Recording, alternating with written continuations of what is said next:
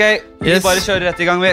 Sturle Haugeseid. Takk for at jeg fikk komme tilbake for andre gang. Ja, men det er noen som har rett og slett er på andre runde nå, og du er Ja. blant dem. Men jeg er den eneste ikke-komikeren som har vært med to ganger. Ja, det er du kanskje. Men Jeg eh, har full oversikt. Jeg har finkjemma alle episodene og sett. nå er det jo sånn at uh, studio som jeg spiller inn i, som vi var sist, var i Ja. sist, det er jo stengt, så nå blir det jo litt sånn hjemmepodcaster. Studio, er jeg er jo kasta ut av studio. Ja, ja, du, du er det, ja. ja du har hatt litt sånn turbulente uh, runder nede på moderne media, du, ja. Jeg kastet ut av Oslo Backgammon Club sine lokaler. På grunn av Det vil jeg, nesten det vil, det vil jeg gjerne høre om. Ja, ja, ja. Jeg, blir, altså, jeg har eh, Jeg har jo vært så åpen om uh, rus uansett, så det er ikke noe vits å legge imellom. Men vi kan jo bare begynne med det mest darke, og det er jo det at jeg er jo ikke Dette er noe jeg gjerne bresker meg litt med ofte, at jeg bruker ikke sprøyter. Ikke sant? Jeg, Nei, du bruker ikke sprøyter. jeg røyker, ikke sant. Det er litt, eh, jeg er litt mer eh, Ja, det er veldig gøy. Jeg ser ned på de Nei, nei selvfølgelig gjør jeg ikke det. Men eh, det har sine utfordringer å røyke òg. Du Ja. får uh, flekker på tenna, du får masse sot i ansiktet plutselig, for du sitter jo Jeg vet ikke, Har du liksom sett noen røyke cola eller heroin eller noe sånt? Det har jeg garantert gjort, altså. Det er Men jeg aluminiumsfolie, har ikke, jeg har ikke sittet mye rundt med aluminiumsfolier og skjeer og Nei. røyke Skjeer er sprøytefolk, så vi har ikke noe med gjøre. Vi, vi, vi, vi blander ikke, skjønner du. Nei, nei, nei. Vi blander hverandre. Men det er vel noen som sitter det er vel, man, det er vel noen som sitter med sprøyta, og noen som sitter og ruller Nei, seg en liten en? Det, det er som er Rangers og, det er som Rangers og Celtics, liksom. Ja, det er det. Eh, men eh, nei da, jeg, selvfølgelig er det folk som blander. Jeg har aldri vært i noe sånn tungt miljø, sånn sett. Jeg har liksom Jeg har vært i det der bitte lille sjiktet av sånne hipster-heroinister. Ja. Det, det er dark. Relativt harmløs gjeng der. Westerdals-heroinistene, liksom. Vi Ja. var to-tre stykker. På gamle Westerdals. Ja. Eh, så Men jo, sot i ansiktet Kjapt bare, hva, jeg tror vi snakket om det forrige gang, men jeg, eh, hva, hva, hva gjør øh, når du røyker heroin? Ja. Hva skjer oppi pappen da? Det er eh, veldig individuelt, da. Det er jo litt sånn som kanskje flere vet. Eh, så er det jo sånn at noen blir rolig av amfetamin, mens andre blir speeda. Ja. Av speed, selvfølgelig. Men noen blir jo rolige. Det er jo de som gjerne har ADHD. Ja. De får jo amfetamin av staten, liksom. Ja. Dex, Listex amfetamin, nå er det mest moderne, kanskje, men Ritalin har du kanskje hørt Ja, om. Det er litt old school. Mm. Eh, men det kanskje ikke så mange vet, er jo at eh, med heroin også har en sånn eh, ulik effekt på ulike kropps- og syk syketyper. Noen Jeg blir jo veldig speeda og bablete og sånn. Jeg vet ikke, Forrige gang jeg var her, så hadde jeg jo brukt sånn substitusjonsmedisin. Hvor tett er, det er, så, er det tett opp til Ja, liksom, Ja, det er jo kjemisk kopi, på en måte. Ja. Eh, så jeg hørte jo gjennom på nytt. og Jeg skal ikke love at jeg ikke kommer til å boble i dag, men jeg bare Nei. Jeg blir, jeg blir veldig høyoktan. Veldig Jeg skulle ønske alle gjestene mine kunne tatt og måka i seg litt her, hero Ja, før, eh, før Men det da. problemet er at veldig mange blir jo ikke sånn. Veldig Nei. mange blir jo, sitter og dupper, som det heter. Ja, for mange, mange har jo på en måte et bilde av heroin som sånn herre Enten du Man tenker jo at man setter seg som prøyte, da, men uh, uansett. At man får i seg faenskapet, og så bare hiver man seg tilbake i senga og bare Mm. Dette, dette er sjukt deilig. Farvel til den verden. Eh, Requiem for a dream. Uh. Ja, ikke sant? Farvel til den vanlige verden. Yeah. Hello. Ja, for meg er det Jeg blir kreativ, jeg blir gira. Altså, jeg, jeg pleier jeg pleier å bli busta liksom av venner og sånn på SMS-stilen. De buster allerede på SMS-en. ja. for det er så lange, intrikate, gjerne litt sånn altså, Det er litt MDMA, mener jeg alltid. Jeg har alltid hatt øh, Det er mine kjepphester at det er litt MDMA i heroin. ja vel, ja. For du får en litt sånn derre Veldig sånn intens slags kjærlighet til eh, kanskje ikke bare mennesker, men til ting og konsepter og Ja. uh, og Det er veldig merkelig stoff, liksom. For det liksom, det er kanskje det stoffet folk Utover at det er, man kan dø av det og bli smitta av ting og alt det der, så er det veldig lite sånn For å bruke et vanskelig ord eh, diskurs rundt Selvfølgelig du har de der eh, Jarle Åpen Post og sånn, men det er ikke noe musikk s- Rolling Stones lagde, men det er ikke noe sånn heroin Det er ikke noe sånn musikk gutta hører på, sånn som gutta som liker hasj, hører på Cypress Hill, liksom. ja. Eh, Det er ikke noen sånn klesstil, selvfølgelig. Det er den derre Det noe, det er ikke noe kulturelle referanse rundt, da. Nei, hvert Se bort fra selvfølgelig hvert fall ikke, ti, og ikke tidlig misbruk, men kanskje veldig heavy over mange år misbruk. Da Ja. begynner det et, da begynner det å danne seg et klart sånn Ja. klesbilde. Og, Ja, men da begynner de å bli sliten og, og parodi på seg selv, da. Men det er liksom ikke noe jeg, det, det jeg prøvde å si, da, var at liksom, når jeg vokste opp, så var det mye party drugs, og, og jeg drev og tok ecstasy på 90-tallet. Det var jo på en måte gullalderen. Jeg synes jo NDMA nå er jo bare en sånn woke eh, folk på arkitekthøgskolen med briller, liksom, som eh, Jeg vet ikke. Sånn, gi, meg, gi meg ingenting. nei, jeg, Mens på 90-tallet så var det jo gutta med Buffalo-sko og bleka piggsveis. Så litt ut som en blanding av scooter og ja. uh, Peter Stormare, liksom. På, eh, og så sto liksom med de der Mosa på Hyperstate uh, med doble Power Rangers innabords. Og så var det jo Det var jo ikke MDMA, det var jo piller på den tiden, ikke sant? Ecstasy, altså da Ja, ecstasy. MDMA og amfetamin. da. og de polakkene som lager det, vet du, de er jævla kreative. De har alltid vært kreative der borte. Masse nobelprisvinnere og sånn. Så det var alltid snakk om at Mitsubishi har litt heroin i Kull og ecstasy. Ja, og så er det pensla med syre og ditt og datt.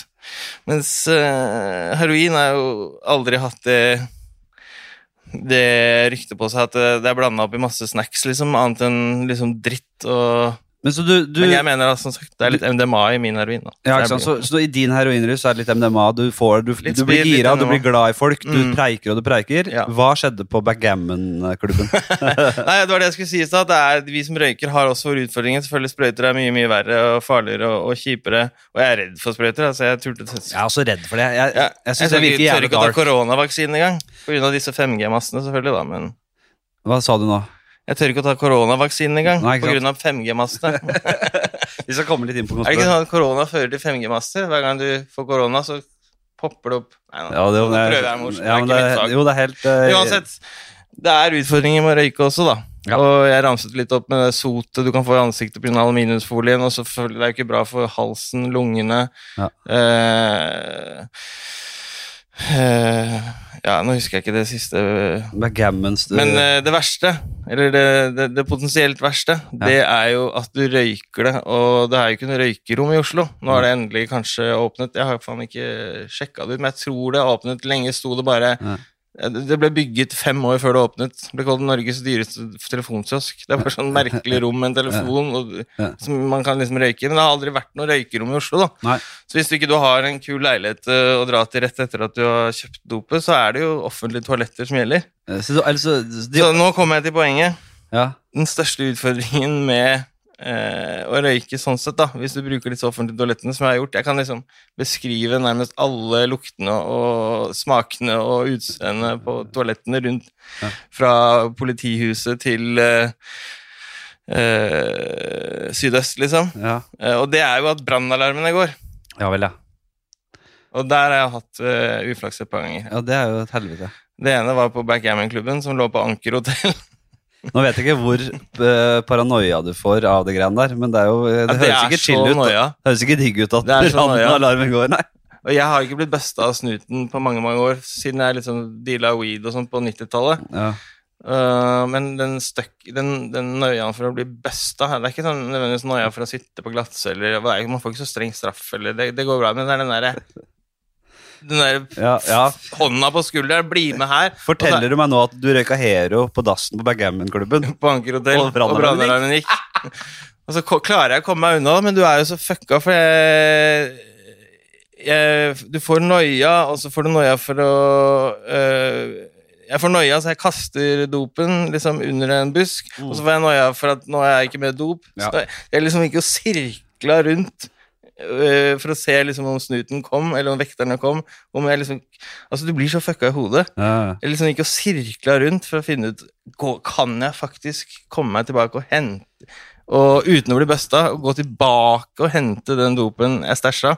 Går det ikke an å få operert inn et sånt lite hamsterhøl i rasshølet? Så inni, rett på innsida av rasshølet så har du et sånt lite hulrom, så du bare kan lirke inn posen. Ja, sånn muldyr. Ja, sånn lite hamster...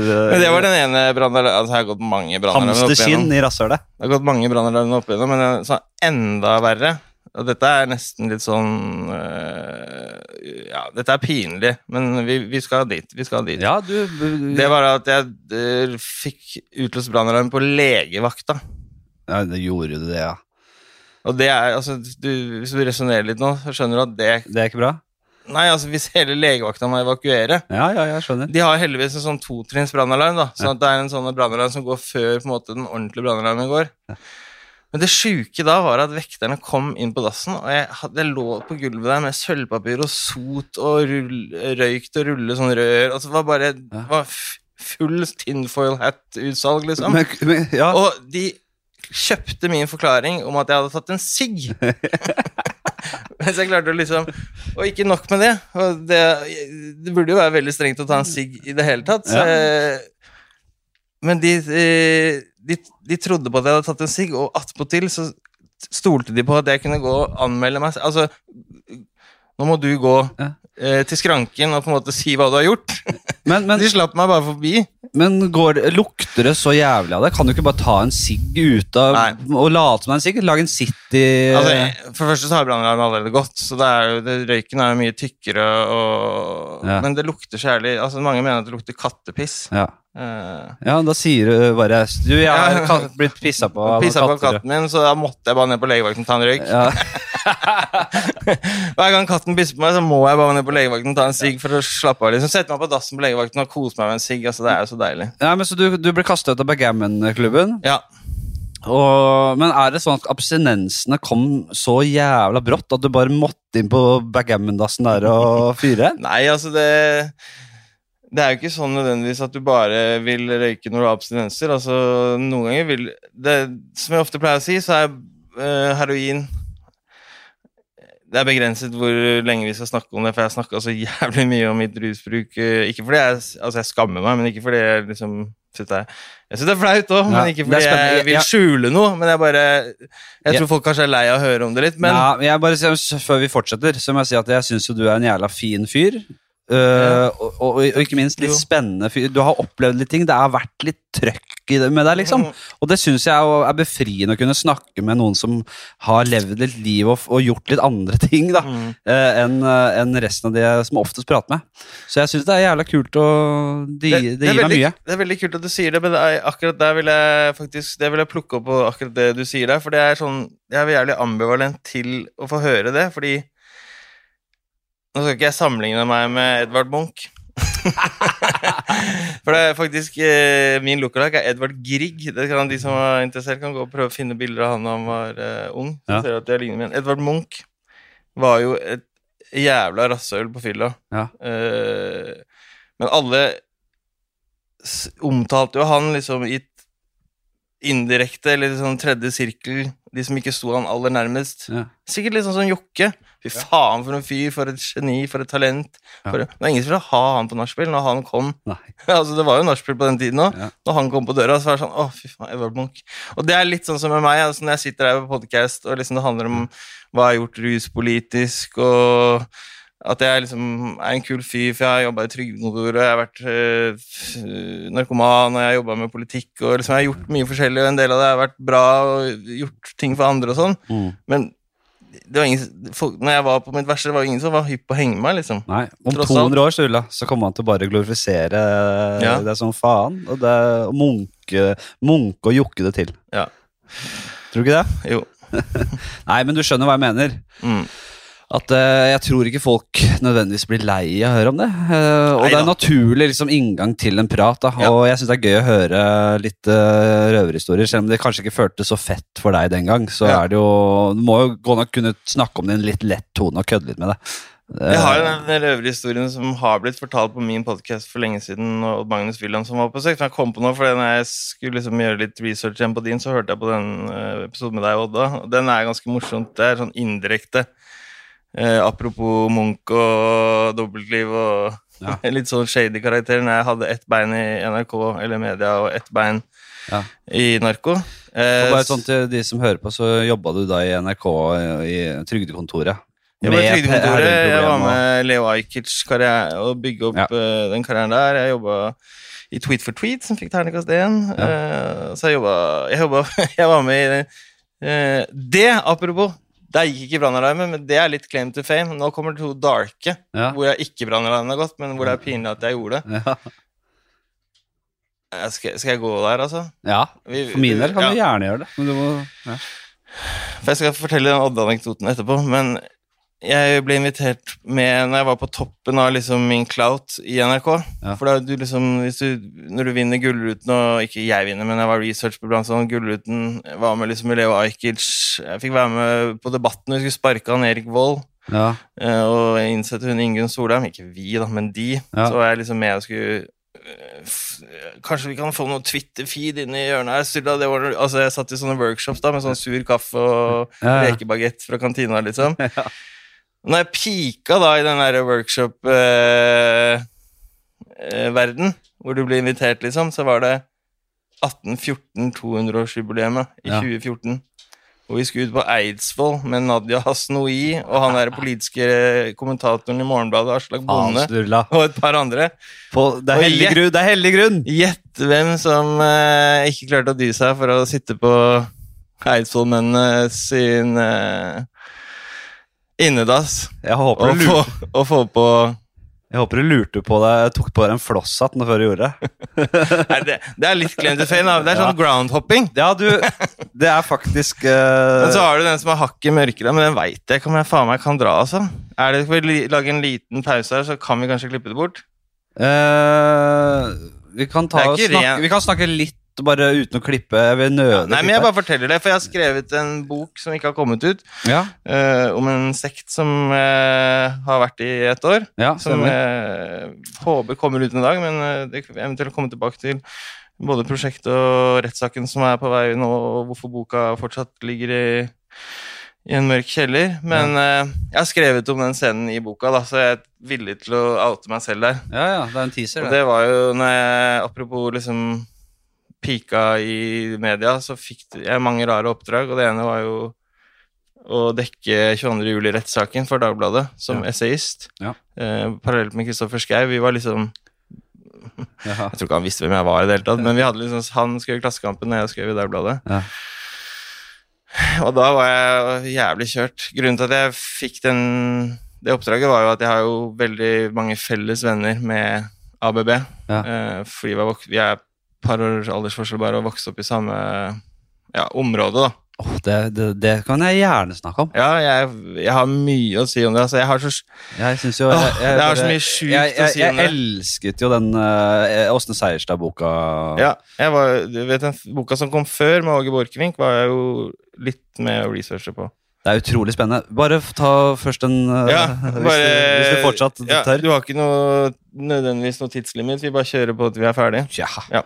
Ok, eh, nei, da fikk jeg jo sitte i den, ikke hovedrettssalen, men det var på VG-huset, så var det sånn rettssal eh, to, da, med Ja. prosjektor. Ja. Eh, så jeg fikk jo liksom sett på Jeg satt der med Lars Gule og Marie Simonsen, og Ja. det var det var høyt nivå.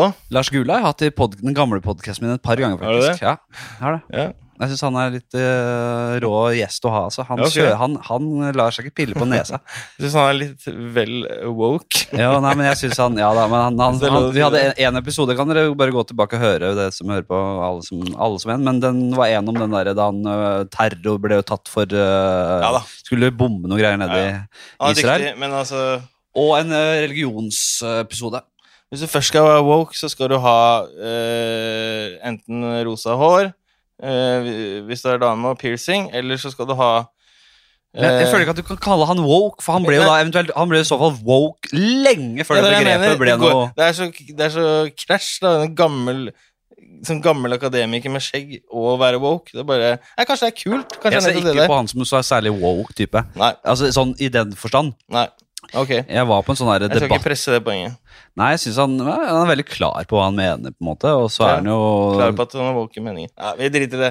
Eh, Kjør. det, det kjør. Men uansett det, Jeg var ikke så woke, da, eller så våken i huet når jeg f- eh, dekka rettssaken, for jeg var jo på kjøret, rett og slett. Og Ja. når du er på kjøret, så må du ha Uansett om du skal dekke Øh, Telefonen her.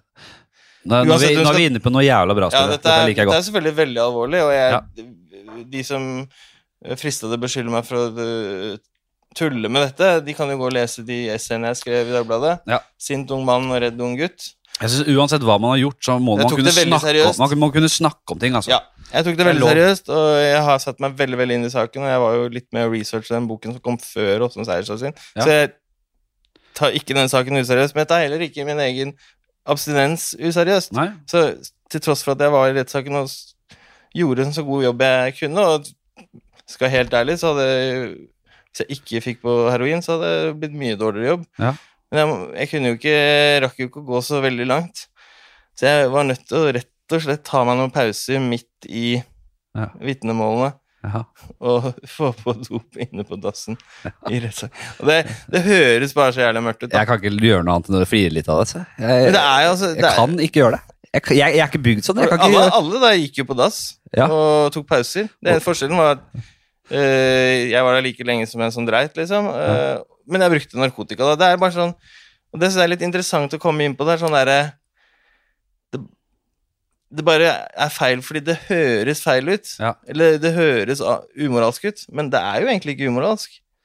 Nei, altså Jeg disrespekterer ingen. Jeg prøver å gjøre en god, så god jobb som mulig. Jeg er en desperat person i den forstand at jeg er ute å kjøre. mm, Og jeg skal prøve å gjøre en så god jobb som mulig med å dekke den rettssaken på en seriøs måte. mm. Og hvis jeg ikke får min medisin, Ja. så vil jeg ikke kunne gjøre det. Nei. Så hvis du liksom brekker bitene ned i enkeltdeler, så ser du at det var, ikke, det var kanskje umusikalsk, som er et veldig kult ord å bruke for mange, men det var ikke umoralsk, mener jeg. Men jeg, jeg skjønner jo at det er litt sånn. Nå snakker du til en som Altså, jeg, jeg, jeg har eh, full Altså det er, det, det er veldig mange som ville på en måte Eller som, kommer, som dømmer alle som driver med det de kaller narkotika, som, innebæ- som omfatter absolutt alt av rus som ikke alkohol. Mm.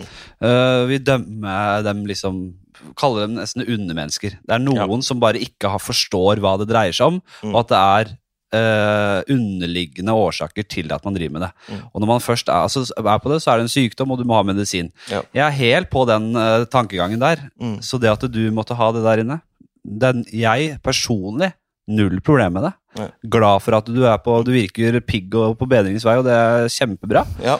Og det, og, og det å på en måte Som veldig mange vil gjøre, da dømme deg, sette deg i bås fordi du har gjort dette her, Mm. og havna på det kjøret der, og på en måte øh, La det bli deg, da. Mm. Det er jo helt latterlig.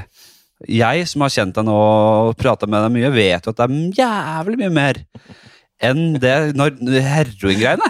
ja, nå må jeg bare stoppe deg. jeg, jeg, jeg vet om mange som ikke ville klart å se bort fra det. Jeg vet det, og det er, jeg setter veldig pris på at du er en sånn type person, men jeg Et øyeblikk. Det er noe Det går fint. Eh, jeg kan jo ja. det var bare, Jeg trodde det var en uh, alvorlig melding om en familiegreie. Ja. Uh, men da. Beklager, vi kan bare snippe det ut. Men uh, Nei, ja, du, jeg jeg er veldig glad for at du er en sånn type liberal person, i denne forstand at du ser forbi det. Men jeg er også igjen en ambivalens til det derre Du er så mye mer enn bare heroin. Du kan jo så mye. Ja. Fordi det er litt sånn det- Hvorfor, hvorfor det- i all verden skulle jeg ikke kunne det? Det er ikke mine, altså, det er ikke, det er ikke mine ord. Nei, nei, jeg prøver nei, bare, nei. Men det er faktisk helt reelt. At Det er ikke kritikk av deg. Jeg, jeg har snakket med mange folk som jeg liker og ser opp til, og, og, men som ikke skjønner det der.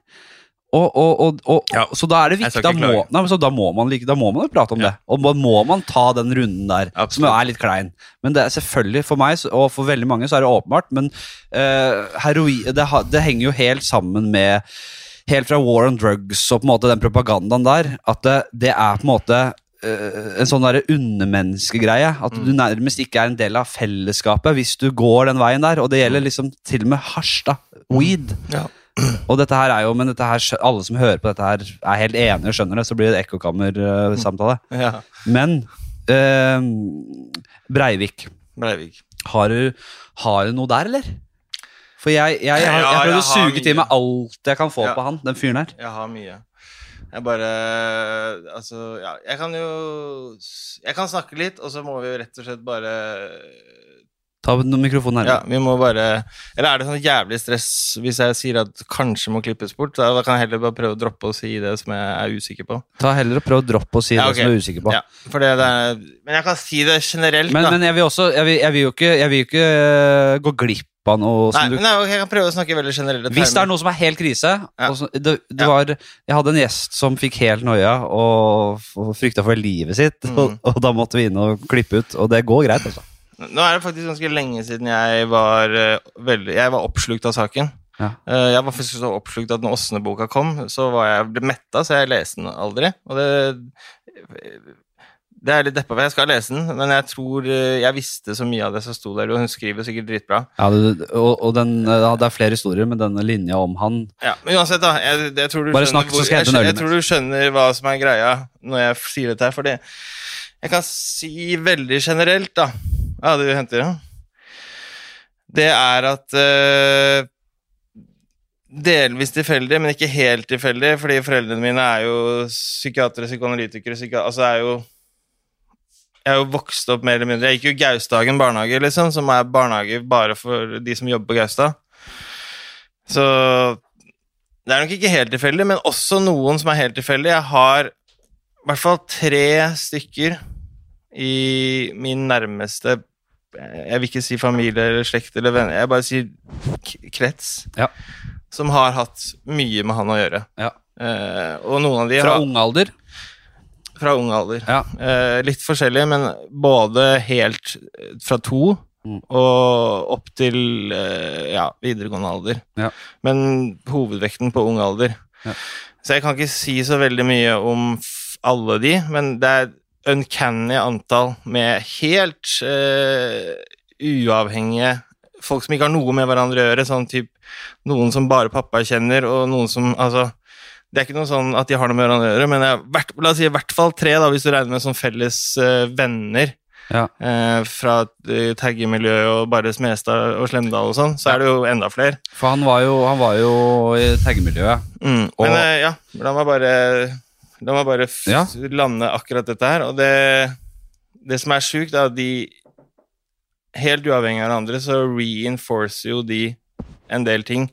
Eh, inntrykk som har boblet litt. Jeg mistenker at det kan boblet litt i boka til Åsne òg. Det er jo hva han ble utsatt for i barndommen. Ja, Det kommer vel ikke så mye mer fram enn at det er på en måte en uh, ikke tilstedeværende far og en mor med litt problemer, psykiske problemer. Ja. og eh, Det ikke det i boka, nei. det kommer ikke veldig, hvis jeg ikke husker Jeg tror ikke, Ja, jeg folk ikke eh, forteller forskjellige resumeer fra den boka. ja, det, Nei, det er nok- det er lenge siden jeg leste den, da, men jeg mener at det, hun er litt forsiktig med å utlevere altfor mye detaljer der. Akkurat på den barndomsbiten. Hvis jeg, Eller kanskje jeg husker Altså. En jeg kan nevne, det er jo en som var en av pappas beste venner, som vi var på hytta med masse da jeg var liten, som heter Per Olanes. Som var hans øh, I hvert fall om ikke hovedbehandler, så var han øh, psykiater Han må holde tunga rett i munnen her. Ja psykiater på Statens senter for barne- og ungdomspsykiatri Ja. når han var inne til observasjon med moren. Ja. Og det, han har jo vært ute i media med frustrasjon over at han ikke kan bryte taushetsplikten Ja. for å belyse saken. Eh, eh, fordi blant annet moren ville ikke Eller hun har vel noen rettigheter, ikke sant? Det, han har en taushetsplikt overfor henne, for hun de, på Statens senter så Med forbehold om at noen detaljer her ikke er 100 riktig. Ja. Jeg, jeg, jeg kan ikke Men han behandla moren og Breivik Ja. Eh, og han mener at han burde ha fått brutt taushetsplikten for å belyse Mm.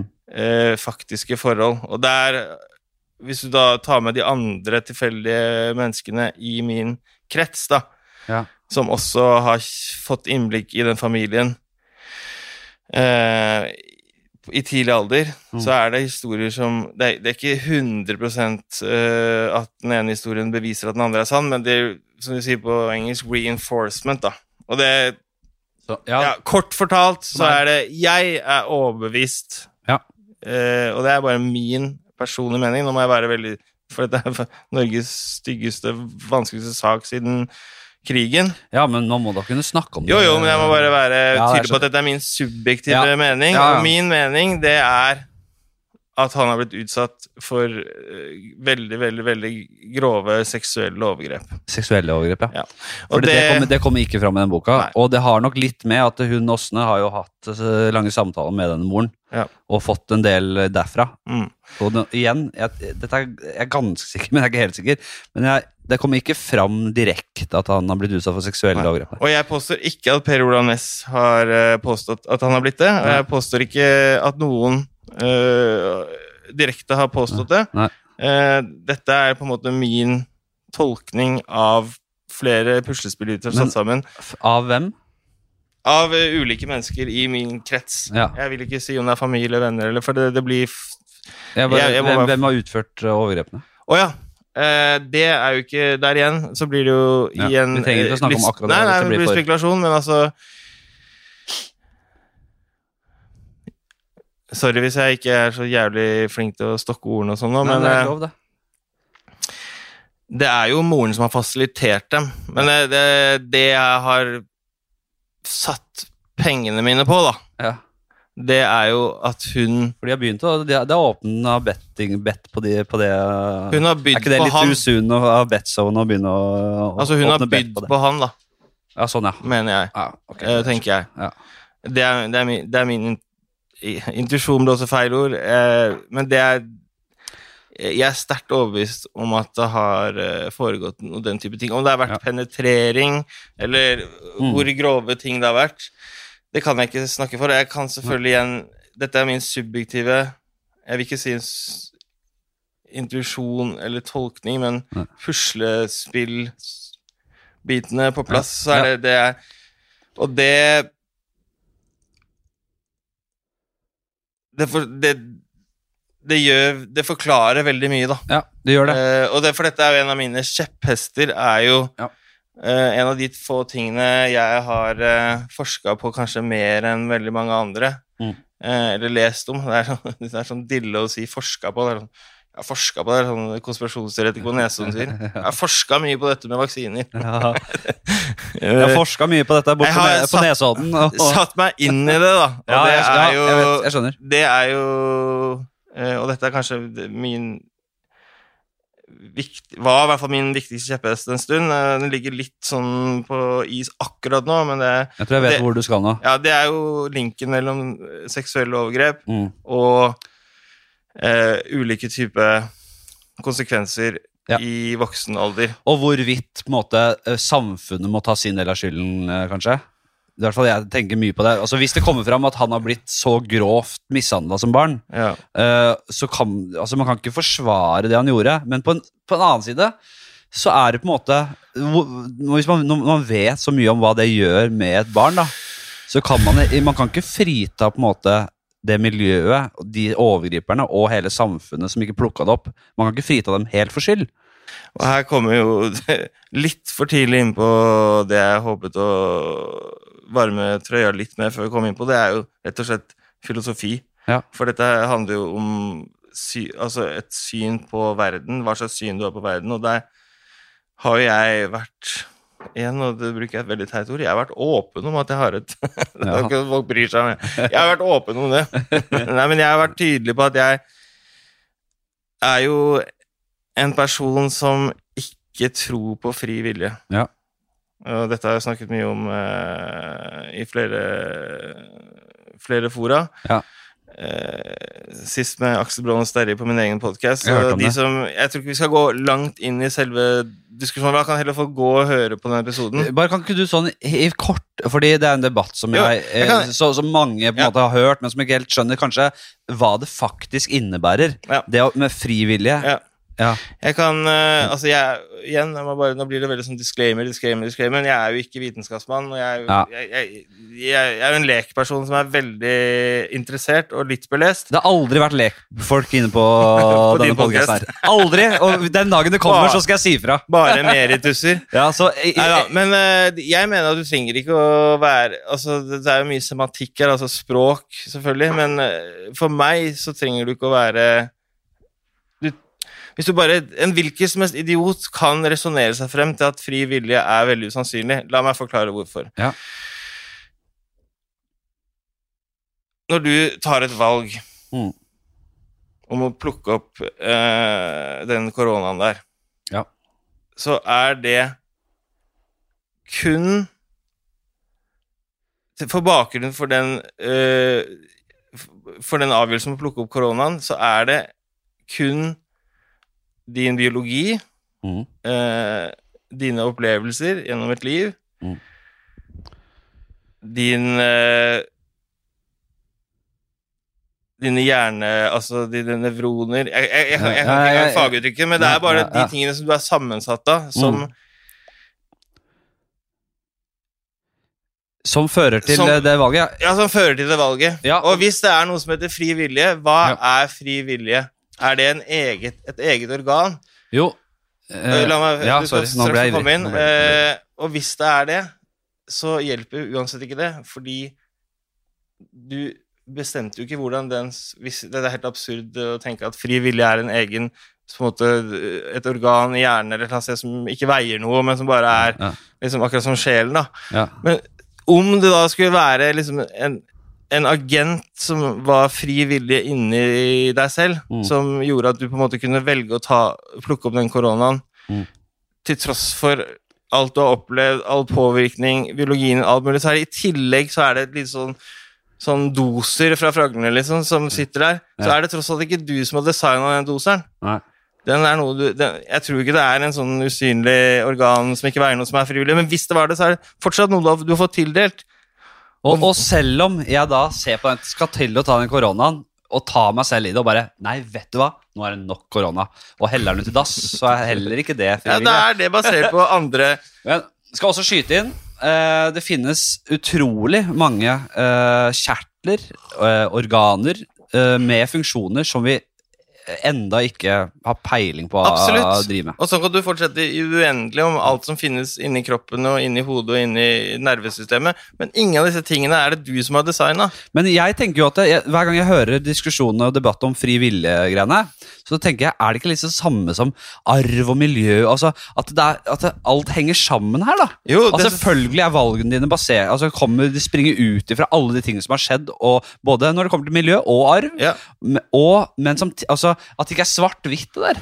absolutt. Men uh, der er jeg det som Igjen, jeg er ikke en fagfilosof, jeg er ikke en vitenskapsmann. Jeg, jeg- forbeholder meg retten til å bruke feil begreper. Ja da. Men jeg ser på meg selv som en som har en radikal forståelse av fri vilje. Det vil si, du snakker om at selvfølgelig arv og miljø fører eh, til eh, at du blir påvirket til å gjøre ulike ting, og, men det er ikke svart-hvitt. Men jeg mener at det er Det finnes ikke noe rom for at det, det overhodet finnes noe som heter fri vilje. For det, det, det, er ikke logisk. Nei. Fordi uansett hva det er som er inni deg nå, nå er, nå er, Som Sam Harris pleier å si, I'm afraid to get bogged down in this. Men uh, det er, uansett hvordan du vrir og vender på det, så har den aller siste potensielle tingen inni deg, Mm. som er den som liksom er fri, Ja. så er det fortsatt noe du har blitt født med, tildelt.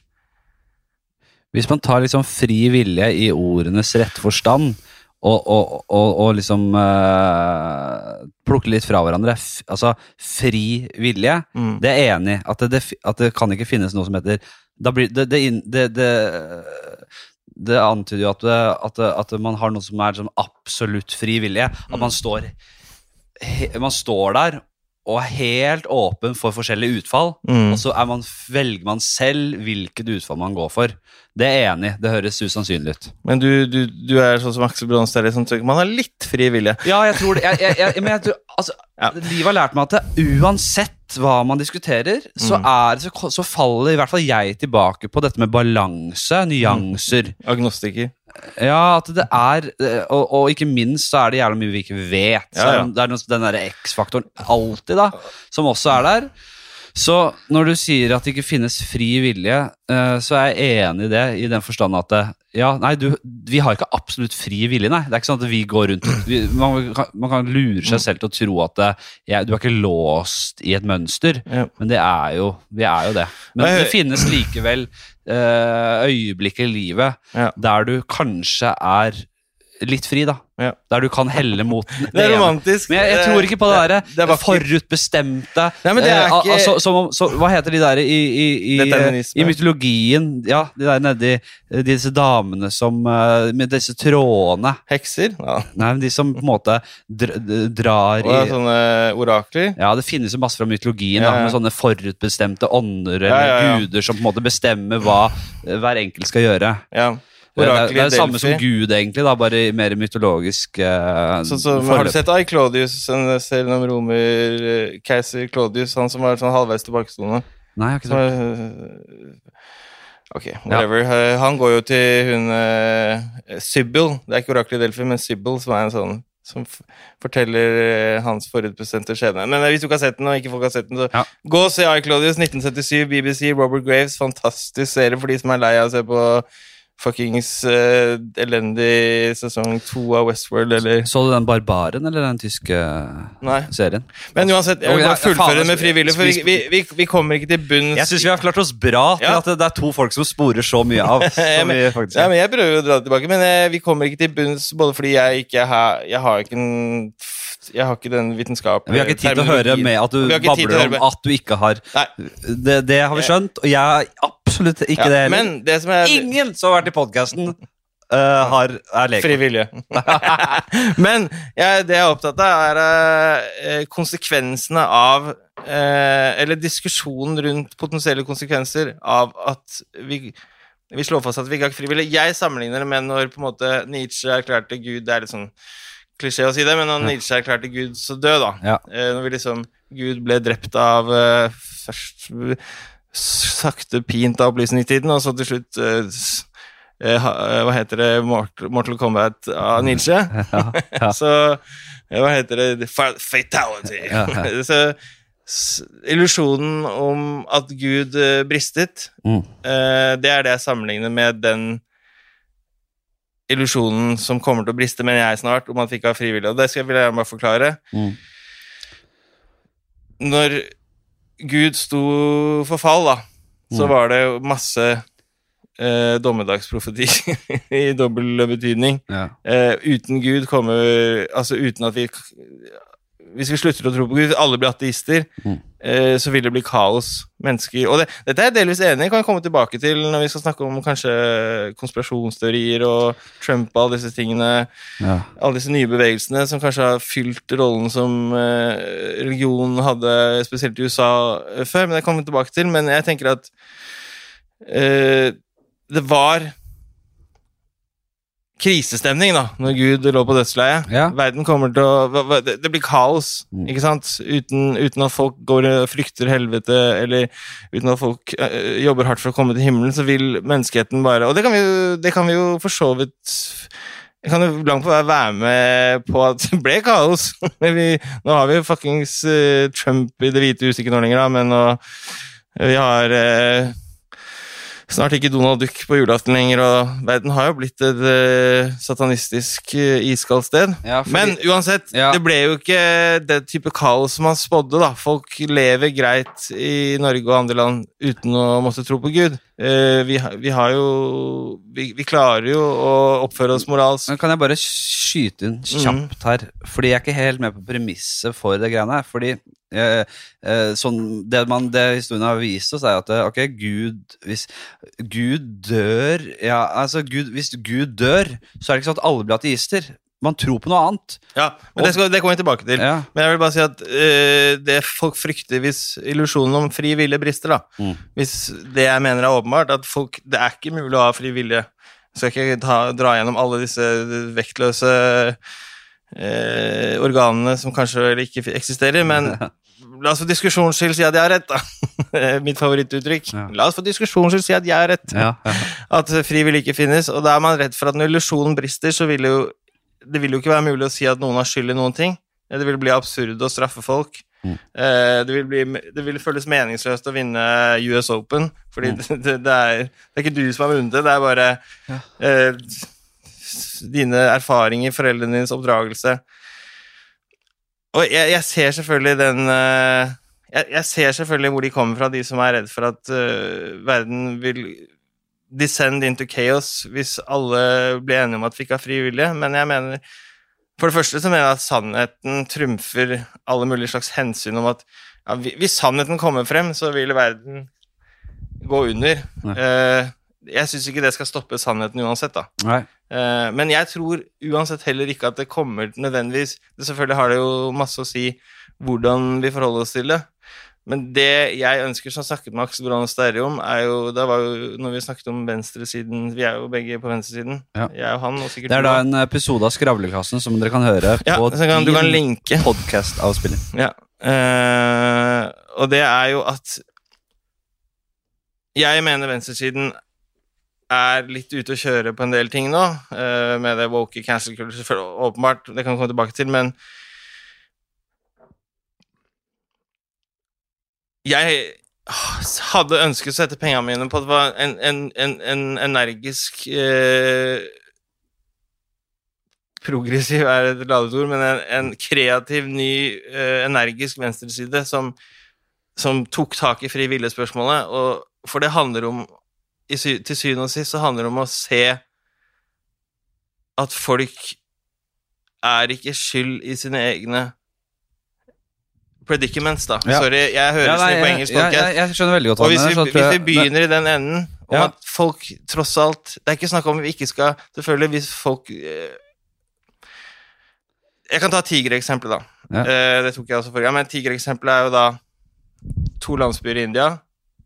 To familier som blir drept på hver sin måte. Én familie blir drept av en vill, blodtørstig tiger, og en familie blir drept av en øksemorder psykopat. Ja. Begge skal selvfølgelig lukkes, eller fjernes, sånn at de ikke utfører mer skade. Mm. Men det, i og med at vi har det synet på tigeren at han bare, eller hun, reagerer eller agerer på sitt instinkt, så blir det ikke det derre egentlig manierte, vanskelig ord igjen, eller konstruerte følelsen at man må hate den tigeren, og Ja. at vi må liksom straffe den utover det å beskytte eh, verden mot at den skal Altså, jeg er helt for at folk som er farlige for sine medmennesker av ulike grunner, fordi de har hatt en vond barndom og endt opp å bli psykopatiske mordere. Mm.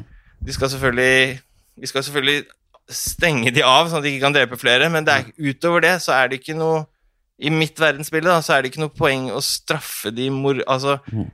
en moral indictment, da. Det blir, ja, det blir feil å demonisere dem uh, som, om all, som om den personen står helt likt med alle andre i samfunnet. Mm, Fordi den øksemorderen, eller Breivik, mm, er jo mest sannsynlig et produkt av noe mye verre enn den som absolutt som er langt unna å drepe noen. da. mm. Så, og det, det er hensyn man må ta. Og en tiger som hadde drept 69 stykker på en øy. Ja. Vi hadde jo ikke, vi hadde ikke opphøyd det til verdens ondeste skapning og brukt uendelig med krefter på å tenke på hvor forferdelig mye ondskap som lever i den tigeren. Og selvfølgelig ondskap Hva er ondskap? Det kan vi diskutere, men i mitt verdensbilde da, så er Breivik et resultat av en rekke opplevelser, og mange av de grusomme. Og jeg sier ikke at jeg unnskylder han, og jeg er ikke så opptatt av det heller. eh, Å unnskylde noen eller bortforklare noen. Det skjedde. Ja. Han ble, men og Breivik er ikke det beste eksempelet, for det setter jo veldig mange følelser i sving. Men la oss gå til noen mye, mye enklere eksempler, da. Mm. Eh, en pedofil mann. Ja. Det er jo selvfølgelig fælt, det også. Ja. Men en pedofil mann er en Altså, jeg, jeg liker egentlig ikke å bruke det eh, begrepet syk, for når du ikke har frivillig, så er det overflødig, for du er, det- du er bare det du er.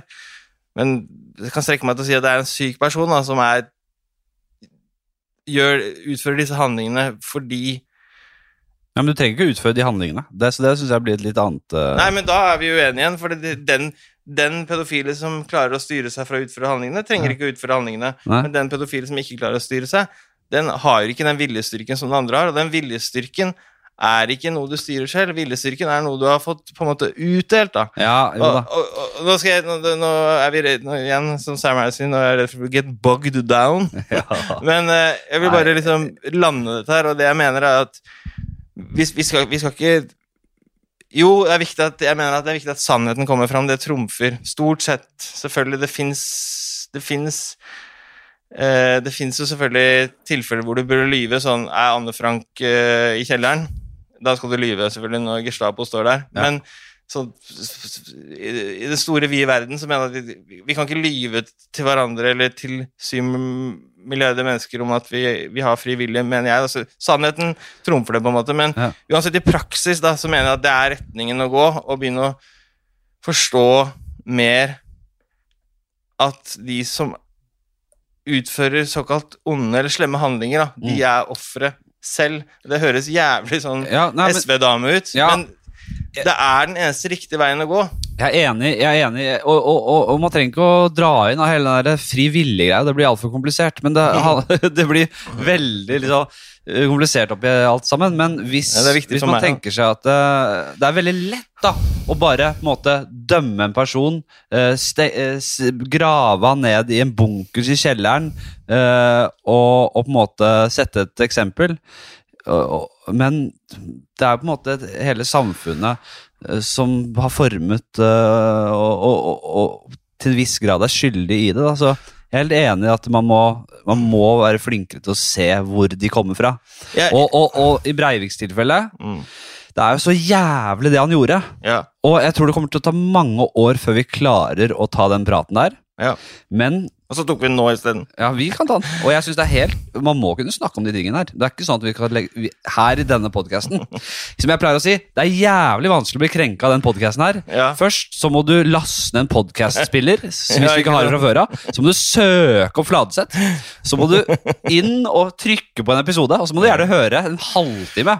For vi krenker ikke rett ut fra startblokken. Det er ikke krenking fra første setning. Så det, det, det, det Men jeg, jeg, jeg, skal lande, jeg skal lande der og gå videre, for jeg skjønner at det blir både nerdete og mindfuckete, men jeg tror uh, siste punchlinen min her er alle som har et potensial for å utføre veldig, veldig farlige on Igjen, jeg liker jo ikke det begrepet, for jeg synes det blir overflødig, men farlige, uforsvarlige handlinger overfor andre mennesker som er skadelige for seg selv og andre. Jeg mener de skal stoppes. Jeg mener bare at de ikke skal hates. Ja. Og der setter vi punktum for det segmentet. Jo, men man kan også hate, men man Nei, det syns jeg ikke jeg mener. Jeg synes det er meningsløst. Ja, man kan jo ikke Om ikke annet, for det, det Jo. koster jo enormt mye energi. Jo, men du kan si det på et sånn filosofisk plan. Det er jeg enig i.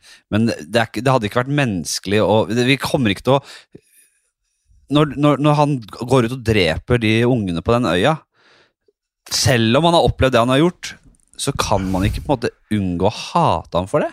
Jo, hvis man Ja har men, det ja, men du forventer jo at alle skal være så rasjonelle til enhver tid. Det er i hvert fall ikke Nei, menneskelig. det det- Det, det- kan, det er bare et utopia. Nei, det er, det er, eller du, jeg, jeg snakker en drømmeverden. at, ja, men det er det jeg snakker om. Jeg snakker om at jeg håper vi kommer mer i den retningen. jo, da. jo da. Altså, jeg, jeg ser for meg at hvis aliens kommer ned til jorda, så er det et av de første tingene de kommer til å lære oss. Liksom, for de har sånne store hjerner som går sånn, sånn som i Simpsons. Nei, det er kanskje ikke Simpsons som har sånne bulgende hjerner. Ja, Nå blander jeg de der tegneseriene. Men det, noe av det første de kommer til å lære oss, er at hat Futurama eller noe ha, Ja, at hat Rick and Morty, kanskje. At hat er eh, bortkasta og overflødig følelse. La meg, bare, Ja, ja, ja. la meg bare fullføre det, og det mener jeg at det tigereksempelet er godt igjen. Fordi familiene ble drept på like brutalt vis. En av en tiger på instinkt, og en annen av en psykopatisk massemorder. Mm. En ting er jo at uh, massemorderen binder opp masse ressurser i form av eh, domstoler og alt sånt. Det er jo et økonomisk spørsmål, det er ikke så viktig, men familien som De etterlatte bruker jo enormt mye av resten av livet sitt Ja. energi på å gå og hate en person som i, min, i mitt verdensbilde, da, ikke har på en måte gjort noe annet enn det alle hans eller hennes forferdelige opplevelser opp til det punktet ulykksalig førte til. Mens Ja. den familien som ble drept av tigeren, de etterlatte, de slipper jo det hatet mot den tigeren ganske raskt. De, eh, det, det var vel Sam Harry som brukte et eksempel først. Han, han var kanskje litt flåsete, men han sa at til, til slutt så drar de kanskje og besøker den dyreparken for å se på Det er tigeren som drepte bestefar! Men altså, Ja. Eh, hat er bortkasta følelse. ja, og så kan man i hvert fall Når det kommer til eh, terror, da, islamsk eh, terror, eller hva faen jeg skal kalle det, så eh, Man tenker jo at det, i stedet for å legge skylden på eller hate enkeltindividet som sprenger seg i lufta, Mm. så er det ideologien. Det er på en måte jævlig mye som ligger bak der. Det er det man skal hate, det er det man må komme til livs. da. Eh, på samme måte, det, kan, det samme kan man vel si om Breivik, da.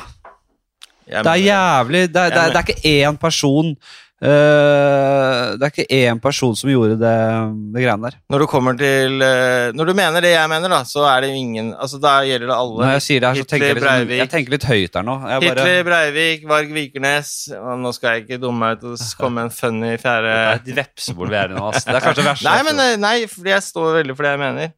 Eh, det må gå an å ha to tanker i hodet på en gang. Det var Ja. forferdelig, det tigeren gjorde. Ja. Men uh, vi må oss Vi må ta debatten. Nå går vi videre. Ok, vi har, jeg har masse vi, du, Det er jævla eh, mye vi kan snakke om, men vi har snakka vi har, jo- Det har blitt en øh, Vi har snakka om helt andre ting enn det jeg har på blokka. Vi uh, har hatt et lite opphold her. Det merker ikke dere noe til.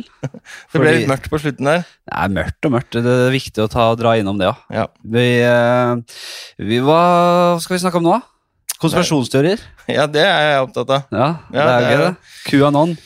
QAnon eh, Nei, altså Jeg tror ikke jeg skal begynne med QAnon, men eh, vi kan jo begynne med fakta, litt sånn tallbasert fakta. her, Bare kjapt, hørte du den øh, Eller kjenner du til han den Rogan-episoden med han derre alien abducted-fyren? Ja, Stakkars, han, han skødda så mye. Han var så nervøs. ja, men han derre hva, hva tenker du sånn om Air Area 51 og Jeg- hva, hva, Jeg har ikke så veldig mye mer. Jeg tror vi skal ta tak i en annen eh, episode av Joe Rogan, som eh, han gjorde med en journalist som heter Tom O'Neill, som var gjest hos meg, som dere også kan høre på. Episoden som heter Chaos. Ja. Uh, eh, Charles Manson and The Secret History of CIA and the 60s. ja? Mulig jeg skødder tittelen. men. Men det er altså en gjest som er på Joe Rogan. Det er en nå 60 år gammel forfatterjournalist forfatter-journalist som eh, når han begynte med dette bokprosjektet, som jeg skal fortelle om nå, var i slutten av 30-årene. Det var da på rundt 30-årsjubileet for drapene, så det var jo da eh, 1999. Mm. For de ble jo drept i 69. Ja. Tate LaBianca Murders. Ja. Charles Manson var jo ikke selv, selv på åstedet, men eh, han fikk jo sine kultmedlemmer, Ja. eh, sannsynligvis da, til å drepe først eh, kona til Roman Polanski og han, hennes polske venn, og JC Brings var han frisørarvingen som også var til stede, Ja. og en fjerde person som sånn Gartneren. Ja, gartneren. Nei, det, Og så etterpå, dagen etter var det vel, så drepte de da mystisk to et ektepar, La Bianca, som ikke hadde noen connections med noe som helst. Mm. De som har sett eh, den Quentin Tarantino-filmen. Ja, så er det jo, den er jo morsom, men litt irriterende for meg som er opptatt av selve faktiske saken, for det er jo mye tullball, men jeg, jeg, jeg, jeg liker filmen, altså. Ja, nei, uh, men det er jo også litt sånn skuslet mulighet til å ta tak i det. Men uansett, Tom O'Neill han var gjest hos Joe Rogan og etter hvert hos oss. mm. Gå inn og hør på episoden. Link, link below. Han var Det en spørs det om det er Linkbjørlova, så vi får se. jeg har aldri hatt Linkbjørlov, men okay, okay, okay. vi, får se, vi får se. Vi får se. ja, Men du kan jo i hvert fall bare linke til skravleklassen generelt. Du kan folk finne det. Ja, men uansett um, Han var en helt vanlig Hollywood-reporter for noe som heter Premiere Magazine. En helt sånn run of the mill uh, fotballbegrep. Run of the mill som skrev om kjendiser. Uh, dyktig, da.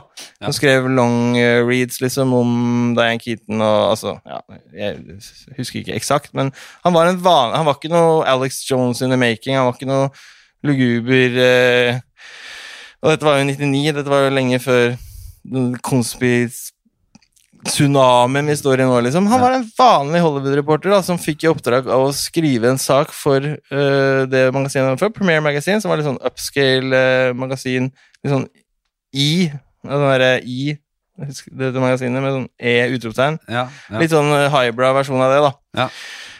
Og fikk i oppdrag da skrive en litt lengre sak om 30-årsjubileet og hvordan uh, Manson-drapene har påvirket Hollywood. Det var mange som snakket om at det var liksom hippietidens siste dag, eller eh, når hippietiden mistet sin uskyld, Ja. og Hollywood eh, Liksom den Hollywood-hippietiden, som var liksom med Mamas and the Papas og Steve McQueen og hele den gjengen der, og selvfølgelig Roman Polanski og sånn. Det var liksom Mm. Det var slutten av Så boken artikkelen han skulle skrive, da, Ja. den sendte han ned da det klassiske rabbit hole som vi har hørt om. Ja.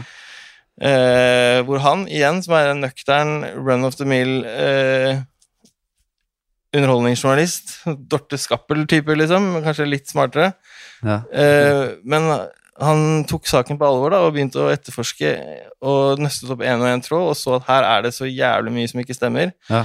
Eh, jeg skal selvfølgelig ikke gå gjennom hele boken, men hovedpremisset da er jo at Helter Skelter, som er den mest solgte true crime-boken noensinne, i hvert fall på et tidspunkt, mulig er forbipassert nå, men Det er den Bush uh, Nei, Helter Skelter er jo boken som han uh, Vincent Bugliosi, som var prosecutor i Manson-saken, skrev etter at han var ferdig med Han var jo på en måte hovedaktor da, i Ja. saken, og han som fikk Charles Manson dømt, og de andre dømt. Ja. Ja, og etterpå skodde han seg på historien ved å skrive Helter Skelter, som er da det famøse referansen til Beatles Helter Skelter. Så det er den der, hvis, du- hvis du spiller en baklengs, så sier de «Sai- Satan og sånn. eller noe. Ja, okay, ja. Eh, og, og, og det premisset i den boken fant jo Tom O'Neill, som han heter, ut at var fullstendig full av feil. ja. Eh, og at hele historien om Manson er full av inconsistencies og huller. Hvordan da? Ja, jeg kan ikke gå inn på alt, men basically så handler det om at Charles Manson var en lusen kjeltring eh, som på mystisk vis i fengsel på noen få år lærte seg å bli en karismatisk kultleder som kunne styre menneskers syke og få dem til å gjøre hva han ville. Dette er da hovedpremisset eh, i Helter Skelter, og at eh, han drepte disse menneskene fordi han hadde en syk ideologi om å starte en rasekrig mellom svarte og hvite, Ja. eh, hvor han og hans følgere, som heter The Family, Ja. eh, skulle midt under rasekrigen flytte inn i en underjordisk verden i, utenfor eh, LA et sted, Ja. eh, hvor de levde av et tre som eh, hvor det grodde syv forskjellige frukter som var 30 meter høyt. Jeg husker ikke alle detaljene. Og så når de kommer opp igjen etter at rasekrigen er ferdig og alle har drept hverandre, så er alle svarte og hvite døde. Ja. Men de er hvite, da, så da har de hvite tatt over. Ja, okay. Dette er liksom uh, det offisielle narrativet. Ja. Uh, som er selvfølgelig helt klin kokos, eh, men dette var liksom det Manson skal ha brukt som motiv, da. Ja. Eh, og så er det Gjennom denne boken eh, Chaos så klarer Tom O'Neill på en veldig overbevisende måte å nøste opp det ene etter det andre som viser at for det første at hele premisset i den boken er helt søkt. Eh, det er ingenting som tilsier at Manson var noe annet enn en, en lusen kriminell. Ja. Men en lusen kriminell som hele tiden ble beskyttet av parole officers, eh, aktoratet skuslet med beviser. ja. Hvorfor Han det? slapp unna hele tiden. Nei, og det er det han Det er, det er vanskelig å Uten å gå inn i mange, mange detaljer her, Ja, men det han prøver, prøver. ja, men det han uh, sannsynliggjør, da, for boken faktisk eh, Den er så omfattende, og han brukte 20 år på å skrive den, og som er, den er en, fantastisk, en fantastisk read. For han er jo en fyr som både bruker 20 år på å skrive en bok om den sykeste saken i USAs historie, i hvert fall i den delen av historien, og med Beach Boys som hang jo rundt der, og hele den derre 70-talls Ja, ja. Hollywood-estetikken med musikken og alt er jo på en måte fantastisk i Ja. Men han klarer jo på et utrolig vis å sannsynliggjøre da at Charles Manson ble beskyttet fra up on high, og at det var noen som brukte han som en slags Det som kalles Manchurian candidate, kanskje. da eh, At han var en asset, sannsynligvis for CIA, ja. som eh, På, på hvilken måte da? Jeg bare rusher litt, jeg nå. Ja, nei, altså at det Hva var det de, hva var motivet? Hva var det Ja, ikke sant? Og her kommer det motivet. Hvis, hvis du bare kjøper premisset om at han sannsynliggjør at han var på en eller annen måte Mm. linka til CIA som en asset, ikke som en agent. Asset er litt eh, annerledes. Det betyr liksom en, en nyttig idiot, da, på en måte, i denne sammenhengen. Ja. Men uh, det nærmeste han kommer et sannsynlig motiv, det er jo at CIA, som i, siden Koreakrigen har uh, Og Maos uh, overtakelse av Kina, Mm.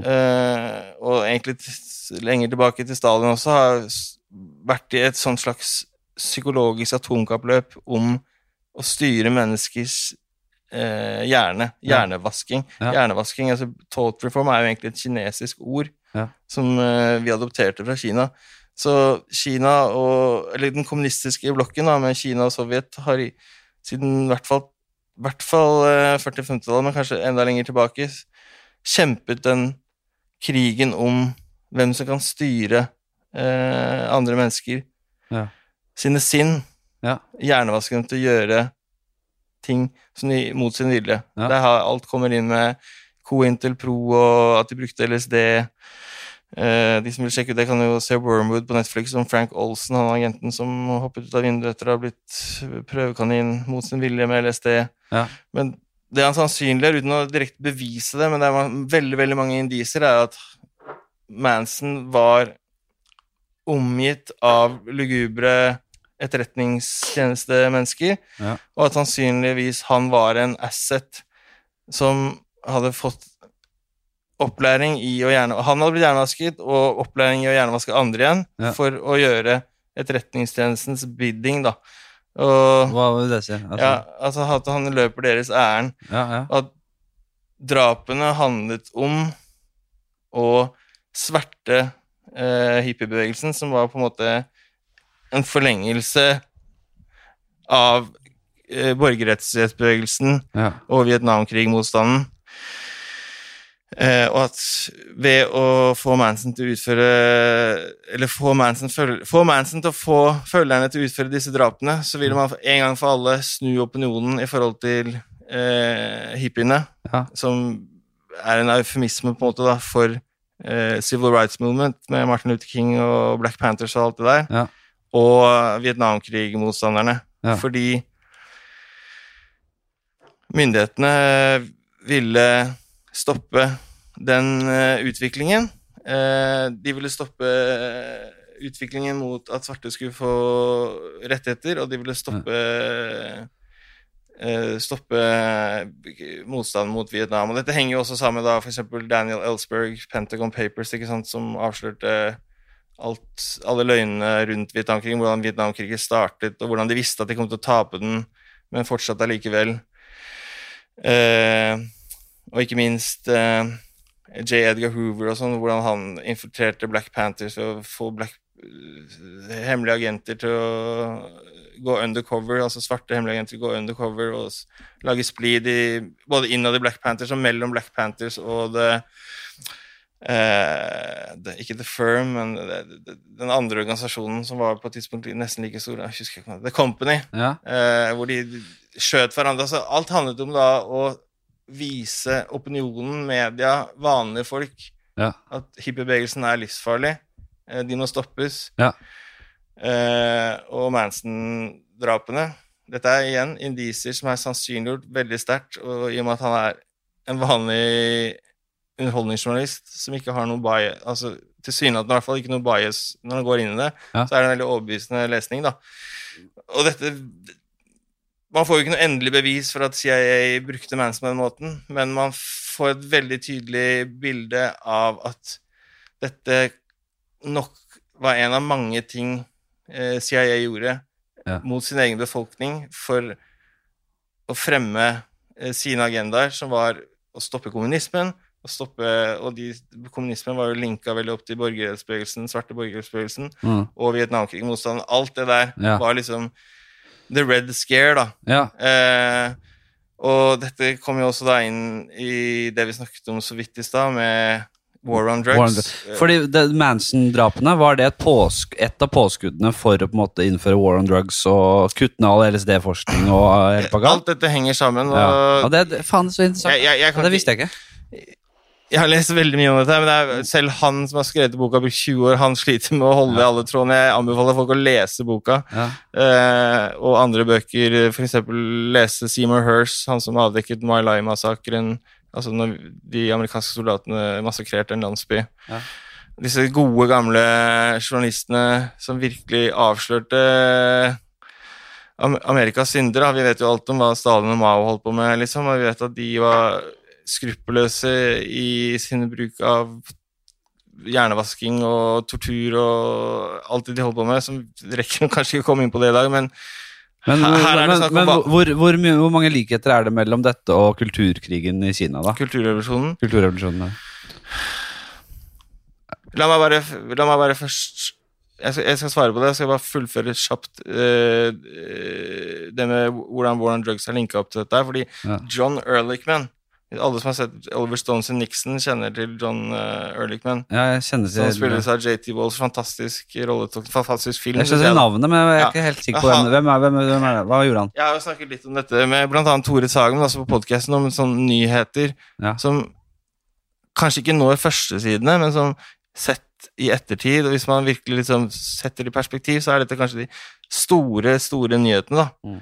Og det ene mener jeg da er denne historien om Manson-drapene. Hvis det som jeg syns er overveiende sannsynlig ut fra det hva som kommer ut fra den boka, så er dette en virkelig sånn game changer, da. Akkurat som Edward Snowden sin avsløring er en game changer. Altså Mm. Gjerdrum, eh, Kvikksandhusene, liksom. Det er ikke en game Det er en tragisk hendelse som ikke har noen påvirkning på verden. Ja. Men John Ehrlichman-intervjuet som han gjorde med Harper's Magazine i 1994, hvor han var så gammel og utslitt eh, Eller jeg vet ikke hva motivet hans var for å gjøre det, men han innrømmet at hele Nixons war on drugs handlet om å demonisere svarte borgerrettsbevegelsen og Vietnamkrig-motstanderne. Ja. Eh, de brukte eh, krig Altså, de brukte argumenter om at de røyka hasj og brukte LSD og amfetamin og alt det der, Ja. For å sverte en hel bevegelse som sto i opposisjon til det amerikanske systemet, da, som eh, på den ene siden eh, eh, rullet over Vietnam og Kambodsja og Laos, og på den andre siden over de, de, de, de svarte som ønsket eh, rettigheter. Jeg, jeg, det jeg tenker nå Det jeg tenker umiddelbart, er uh, Selv om det skal vise seg at dette Manson-greiene ikke stemmer, Ja. så hører det, det, høres veldig eh, Det høres veldig riktig ut at det, det har blitt gjort lignende. Ja. eh, kanskje mindre små operasjoner Mm. for å sverte eh, motstanderne. Mm. Og eh, så blir det veldig klart at det var motiv Mm. når man ser The War on Drugs. Og på en måte ikke bare vi ønsker eh, å på en måte tone litt ned rusbruken her. Mm. Vi snakker om på en måte helt sånn totalt nedstengning av alt som har med forskning på psykadelisk behandling og alt, som var jævlig lovende og jævlig spennende. Til og med Norge. Jeg syns det anbefaler den um, eh, Psychedelics Explorers Guide, den boka der, oh, ja. som uh, tar for seg veldig mye av den forskningen som ble gjort på 50- og 60-tallet, Mm. uh, der det var der det var uh, forsøksgrupper på sånn 20-30 stykker, og det var kjente, anerkjente ingeniører, arkitekter, Mm. alt mulig, Mm. Uh, som ble tatt inn på Ble tatt inn eh, assistert behandling med LSD, eksempel. Mm. Eh, over, det gikk jo over en hel dag og flere dager, og, ikke sant? men der man det er et voldsomt kjør å få i seg LSD, så det tar veldig mange timer før du klarer å gjøre noe eh, skal jeg si, arbeid i den forstand. Mm. Eh, men det de fikk i oppdrag, altså det personlige oppdrag, da var jo på en måte plukke ut ett problem de sto overfor i virket sitt, Mm. eh, som de kanskje aldri hadde klart å løse. Og så skulle de gjennom dagen eller uka klare å komme fram til en løsning på det. Mm. Og det var utrolig mange som klarte det, Mm. som, gjennom denne behandlingen. Mm. Og da er det jo helt åpenbart at hatet har noe for seg. Mm. Men svertekampanjen eh, som eh, kom, eh, la jo alt dette i grus. Mm. Så motivet er soleklart. Mm. Stopp det der. Det er jo det er på en måte Det, det, det ødelegger jo deres agenda. Og det, det, det blir så soleklart for meg, da. Mm. Og alle som på en måte ikke er låst i en eller annen uh, greie. Men du spurte hva er sammenhengen mellom Maos kulturrevolusjon og CIA sine operasjoner i Chile, i Vietnam, eh, i Angola Altså, de drepte jo eh, statsministeren i Vietnam rett før Kennedy døde, og broren også. Ja. Altså, overalt i Sør-Amerika, Asia, Afrika, så har jo CIA siden i hvert fall 50-tallet drevet med sånne black ops. Det, noe, det vet vi, liksom. Ja. Og Hva er sammenligningen der med, med kulturrevolusjonen? Igjen, bare forbehold. Jeg er ikke historiker, og jeg er ikke Nei. jeg er ikke fagmann, jeg er lekeperson med stor interesse. Jeg er researcher. Jeg, bruker, jeg har mine egne kilder. Ja, ja, ja. Men uh, det er jo det at i, under Maos Kina så var det Det er jo et totalitært regime. De kan jo gjøre hva som helst mot sin egen befolkning for å nå sine politiske mål. Ja. Eh, vi, vi rekker rett og slett ikke å gå inn på Mao nå, for det, det, det er et Nei. stort tema for meg. Jeg skal, Ja. Hvis du ser bokhylla mi i Lillesand, så er det Vi skal Jeg har en egen bokhylle bare med Jeg Mao-bøker. skal få deg inn senere, så skal vi ha en Mao-spesial. Men uansett, den store forskjellen på Sovjet og Kina og USA er at USA er et tilsynelatende Eller det er jo et demokratisk uh, land. Ja. Du kan ikke gjøre hva du vil mot din egen befolkning overtly, altså over bordet. Du, for, å, for å nå dine mål. De er igjen de er jo i nærmest eh, proxy, i hvert fall, krig i Vietnam mot hverandre, og i Korea, selvfølgelig. Mm. Men de er jo også i en eh, psykologisk krigføring om Du, du må hele tiden skjule, gjemme deg bak demokrati... Uh, Men CIA greiene. har jo den derre De har jo det handikappet at de hele tiden må Eller USA har det handikappet at etterretningstjenesten må forholde seg til visse spilleregler fordi det er demokrati, mens etterretningstjenesten i Kina de trengte ikke engang å Altså, de kunne gjøre hva de ville, fordi befolkningen hadde ikke en damn shit de skulle si. Ja, men jeg, jeg føler at nesten man, kan, man kan nesten gjøre hva man vil der borte, og så si ja, men det er for demokratiet. Ja, Og så, nå, og så er det åpenbart at det, det er jo alt annet enn demokratisk. Uh, men allikevel så nå må jeg bare presisere at nå snakker jeg om Kina under kulturrevolusjonen. Ja. Altså ikke Jeg kan gjerne en annen gang snakke om Kina i dag, men Jeg snakker om Ja, ok, så Men- da, ja, når de, når de skal da konkurrere på the battlefield of the mind, da Ja. Når de skal liksom kappløpe om å styre menneskers hjerne, liksom Inception eller Westworld eller whatever, Ja. så hadde Kina den enorme fordelen at de kunne gjøre hva de ville overfor sin egen befolkning. Ja. Eh, og det, gjorde, det så vi også at Hitler gjorde. De, hadde jo, de, de var jo, brukte jo gjerne da jøder eller homofile eller funksjonshemmede. De eksperimenterte jo Ja. på mennesker. De kunne ikke gjøre sånn åpenlyst i USA, så de, USA har alltid i den på en måte krigen Den psykologiske krigen da, mellom øst og vest, rødt og blått, holdt jeg på å si, Ja, så har eh, USA alltid hatt et handikap, og da har de alltid måttet være mye mer sneaky og kreative, da, sånn som for eksempel Ja. kanskje det de gjorde med Manson. Ja. Men eh, det litt bredere poenget jeg ville komme til, apropos konspirasjonsteorier, liksom, og vi kan le av QAnon, og vi kan le av alt det. Eh, som vi ser nå, Ja. eh, men det vi vet, og derfor er jeg også fan av ikke lese avisen, jeg er fan av å lese historie, fordi i avisen så får du sannsynligvis ikke servert Ok, jeg skal ikke si at du ikke får servert sannheten, men du får servert en så eh, nybakt sannhet at Mm. vi har ikke fått avstand nok til perspektiv på det, men på en del ting som skjedde på 60-tallet, så har vi fått såpass mye Ja. eh, unlocked arkiver. Vi, vi, vi kan se det i perspektiv, så vi, kan, vi vet en del ting om hva etterretningstjenesten sånn gjorde på den tiden. Da. Vi vet hva de er kapable til. Vi vet at de startet Vietnamkrigen med, uh, med en løgn. Med manipulerte i Be- eh, Gulf of Tonkin. At de, de, de fikk det til å se ut som eh, Vietnam avfyrte et skudd mot et skip, og så viste det seg at de egentlig hadde gjort det selv. Altså. Ja. Og ikke minst så ble jo Vietnamkrigen fortsatt jo basert på løgner. Dette er jo lydopptak, ja. ikke sant? Jeg, Men jeg det- bare sånn kjapt innspill på det.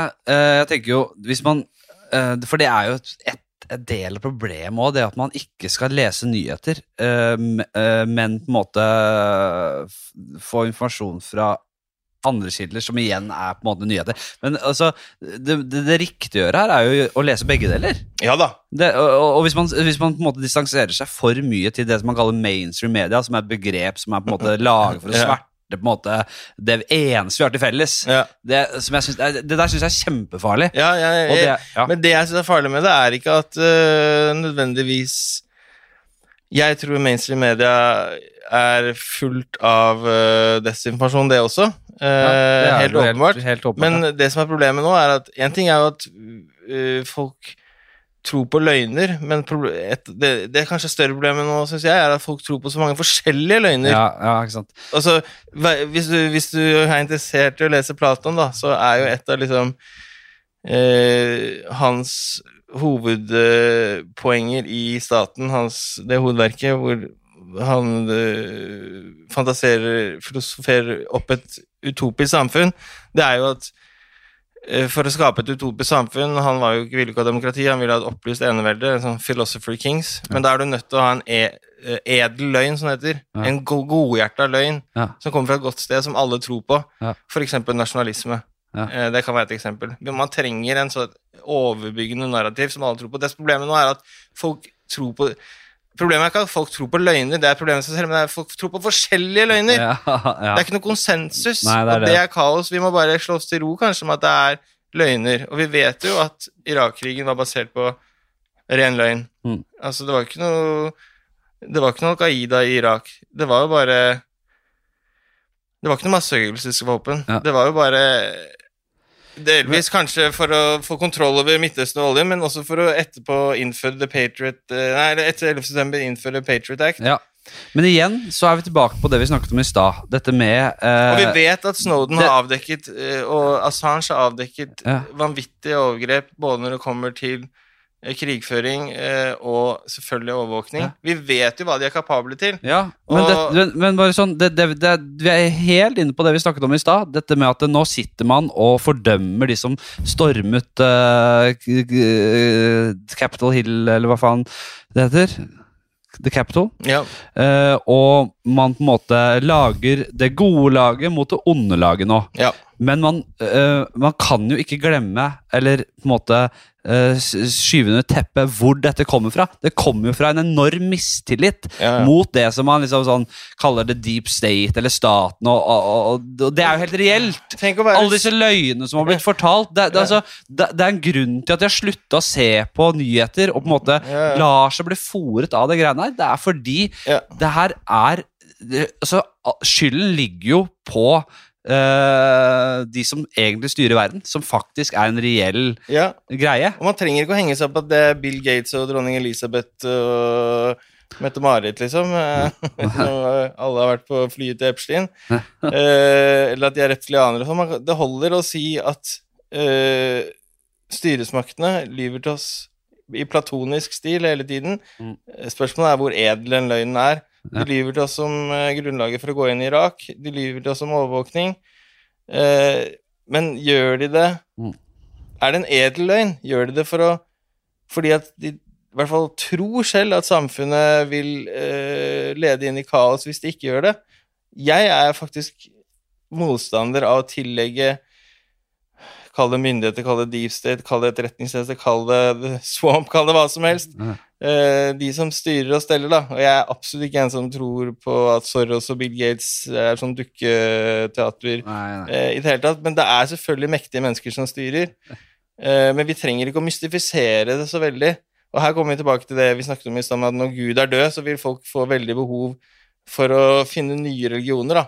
Og da må du ha på en måte Skal du finne en fet religion, så holder det ikke bare sånn uh, Ja, vi ble overvåka, sånn som Snowden. Det, er- det er ikke juicy. Det er kjempejuicy, selvfølgelig, men Ja.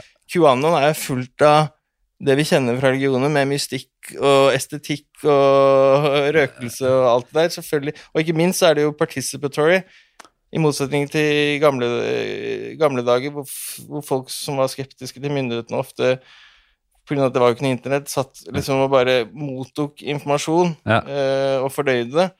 Så det er ikke like potent som det nå, hvor du kan være med i feedback-loopen. Og faktisk, de som sitter på disse message, eller hva heter det, imageboardsene og sånn, de føler jo at de er en del av uh, Poirot sitt team, liksom. Ja. De føler at de er med å avsløre uh, kabal, eller Men Ja, jeg bare- jeg syns det er jævlig viktig det poenget du, du kom med, at det er jo ikke En ting er at Gud er død, så det er jo ikke rart at folk finner nye sånne Enten det er yoga eller addiktologi eller QAnon eller eh, sånn som Torkel Brekke på Universitetet i Oslo har eh, installert, som kanskje er litt hutbutton, men eh, en del av den antirasistiske bevegelsen som nærmest eller i hvert fall cancel-kultur-delen av den da, virker nærmest religiøs. Ja, ja. Eh, men det er ikke rart at folk ikke stoler på noen lenger, med tanke på hvor mye vi har blitt løyet til. Nei. Finanskrisen. Vi skulle, hvem var det som ble baila ut? Det var de rike. Nei, men det er det, Overvåkning. Ja. Irak-krigen. Ja, ja så det, så, og, Det er ikke rart og, og det vi- selvfølgelig Det kan ikke snakkes om, fordi det er, det er, det er hemmeligheter som man ikke vil skal nå øh, folket. Man kan ikke ja. Det, Den, den telefonen jeg klikka her. Ja, det er morsomt. Men, så, så, 5G. så det, nå, nå, nå blir jo på en måte den nye runden da på en måte uh, lage det, det er fantastisk for demokratene og på en måte Biden kan sitte der nå og totalt demonisere den siden og de som eh, gjorde det opprøret, ja. uh, og, og, og, og ikke nevne med et ord hvorfor det ble sånn. Fordi det skal jo selvfølgelig ikke nå dagens lys, det. Nei. Uh, men jeg, en vits som jeg jobba med for en stund siden, som ingen har ledd av, som jeg tror du kan kose deg med, det er jo For jeg har alltid tenkt at når jeg ser han derre Jeff Bezos, så tenker jeg Ja. han ser jo ut som en øgle. ja. Og så eh, tenker jeg Hvis den te- konspirasjonsteorien om øglemennesker som styrer verden, Ja. hvis den er riktig, så ser jeg for meg at Bezos At de slurva litt med han. eh, og bare altså, Han blir ikke viktig. Han, det, eh, han blir ikke så viktig og frem... Han, liksom som han Han kommer ikke til å bli så fremtredende og viktig, så han kan vi Han ser, han ser litt, fortsatt litt øglete ut. Han er liksom sånn tredje alien i Simpsons. Ikke Kang og Krang, Ja. men han tredje som dukker opp av og til. Ja, det er en vag referanse for meg. Ok, men Er, uansett er du med på ideen? Ja, eh, det er jævlig morsom idé. Apropos det, jeg skal kanskje gå og se på mine vitser eh, om ikke så lenge, men jeg vil bare eh, runde av Vi, vi, skal, vi, vi skal faktisk begynne å runde litt av her, altså. Ja, vi skal runde litt av. Men jeg, poenget mitt er at disse nye Altså for eksempel studier som viser at i løpet av korona så har vi, i hvert fall visse deler av Nå er jeg redd for å komme med desinformasjon selv her, altså, for jeg, jeg er jo opptatt av det som heter den eh, informasjonsøkologien, at vi ikke skal forsøple. Akkurat som vi ikke skal kaste søppel ut av vinduet, og sånn, så skal vi ikke vi skal prøve å la være å kaste søppel i det, ut av det digitale vinduet. da. Ja. Eh, vi, vi, skal ikke, vi skal ikke forsøple internett mer enn nødvendig, Nei. for da er, er vi en del av problemet.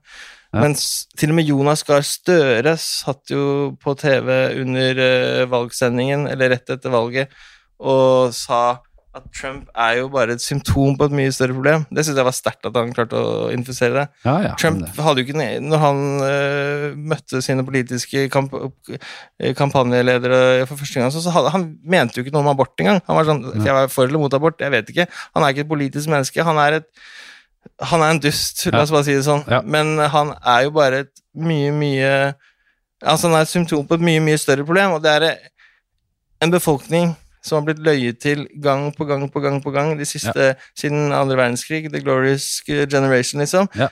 Det er det ene, og det andre er at det er et land hvor arbeiderklassen ikke har hatt noe særlig lønnsvekst. Ja. Hvor uh, forskjellen mellom fattig og rik har, er enorm uh, økende. Ja. Eh, og så kan man selvfølgelig komme der Steven Pinker-aktige argumentet om at ja, men hvis alle blir rikere, så gjør det ikke noe at de fattige blir litt mindre rikere enn de rikeste. Men nei, det stemmer ikke, tror jeg, da. Jeg tror at det holder ikke bare at alle får litt mer penger, og alle har plutselig tilgang på antibiotika. Til og med i Detroit nå så har de fått antibiotika. Nei. Men eh, eh, wealth disparity Altså ulikheter i seg selv er farlig, da. Og de har blitt løyet til, og de har blitt fucked in the ass. Og da, eh, snakker jeg ikke om sånne der hvite menn i rustbelte liksom, med magacaps. Mange av de er det selvfølgelig synd på. Det er synd på alle som er fattige, men det Konspirasjonsteoriene vi hører hele tiden, de tar fokus vekk. Altså disse QAnon og, og disse søkte For det første så er de altfor nære i tid. Vi, vi vet for litt. Vi bruker masse tid på ting vi ikke vet. Vi vet en del om hva som skjedde på 60-tallet. Mye mer fruktbart å, å se på det, som vi, hvor, hvor vi kan vite en del ting, enn å se oss nærsynte på uh, QAnon-sjamanen og hans uh, søkte teorier. Men også at det, disse teoriene tar fokus vekk fra de virkelig eh, viktige tingene. Da. Sånn, Ja. Altså bare sånn det med det med eh, Nå er det liksom høyrevridd å være eh, opptatt av at eh, det blir begått forferdelige ting mot barn pga. Pizzagate og sånn. Det er plutselig blitt en sånn hvis du, nærmest, hvis du sier at du er opptatt av human trafficking og vil jobbe for at barn ikke skal Altså barneporno Bare sånn, så er fortsett å snakke. Jeg må, jeg må pisse. Fortsett å snakke. Ja.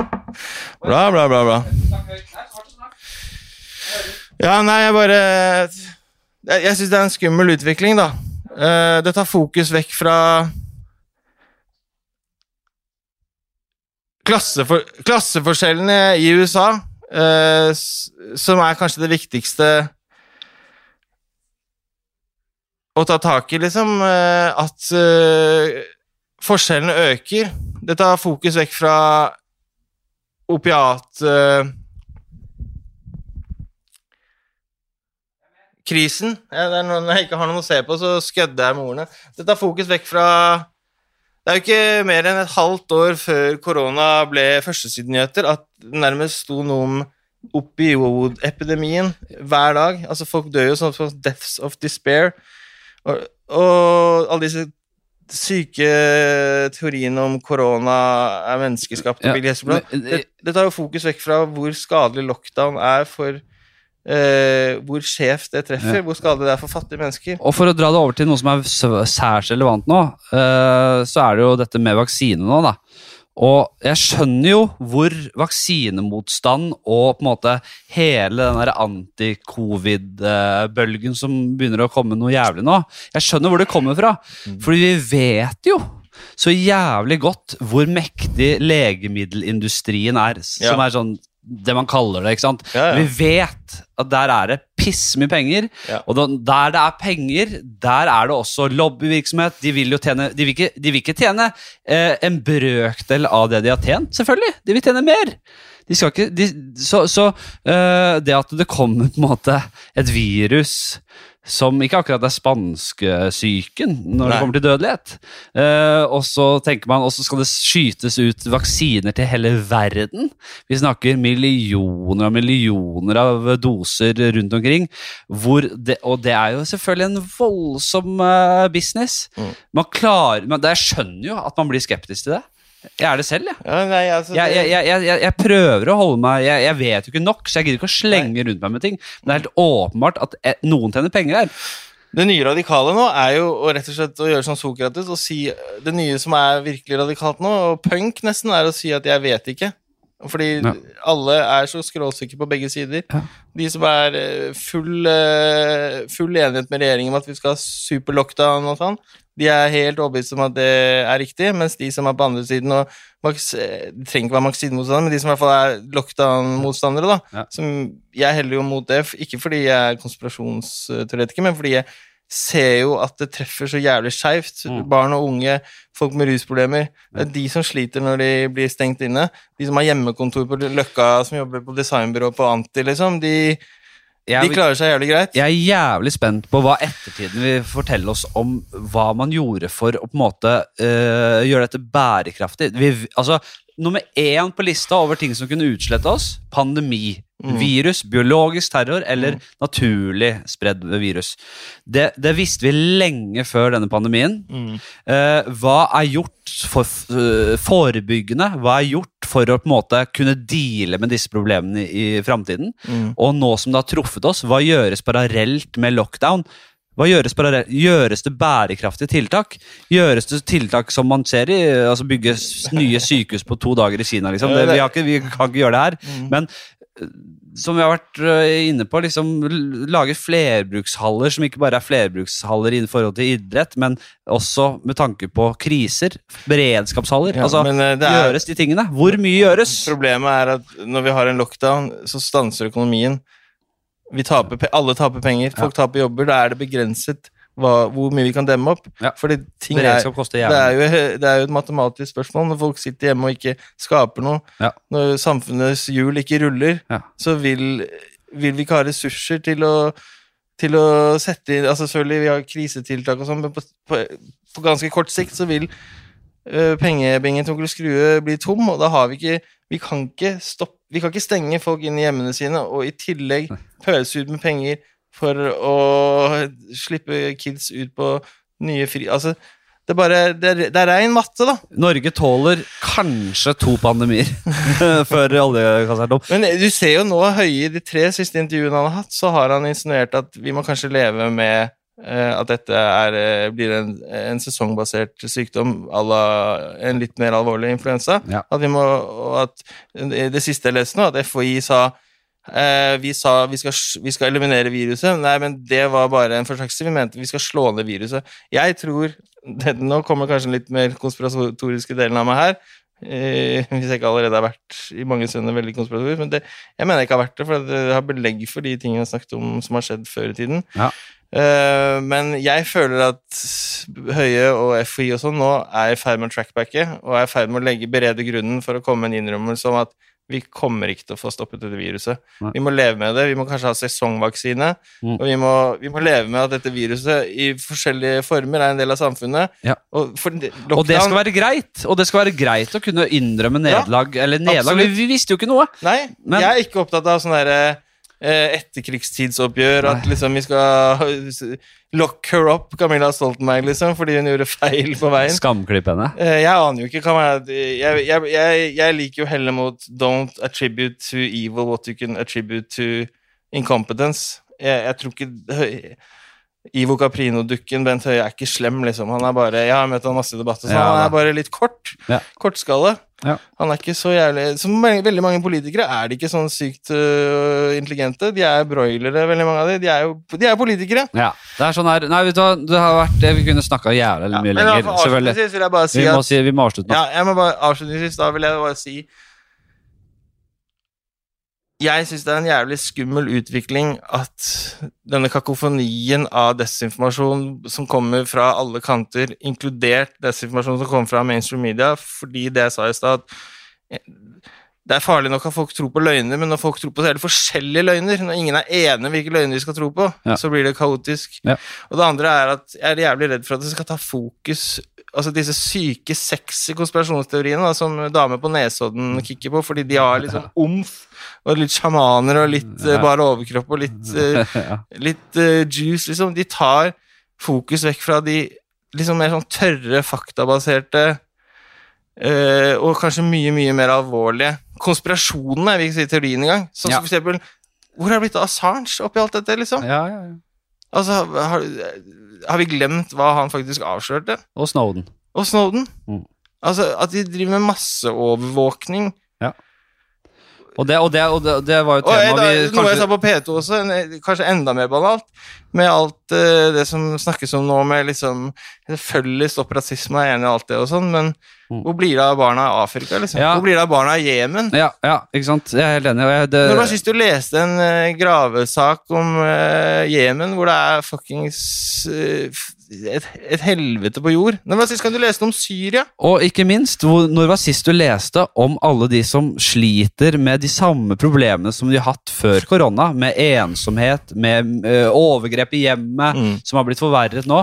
Det er veldig lite saker på det. Mm. Det er veldig mange saker på de store eh, bare sånn, eh, Som vi egentlig vet, men som bare blir blåst opp og bare for å, for å selge. Følg med på mitt nye prosjekt, som jeg snakker så vidt om på siste episode av Skrøvleklassen. Når dette kommer ut? Kommer det ut med en gang? I dag? Kommer ut i, nå er det torsdag, kommer ut i morgen, i Ja, natt i- til fredag. Ok, på torsdag kom den siste episode av min podkast ut. Helt på slutten her så er jeg i ferd med å softpitche det konseptet jeg skal lansere nå.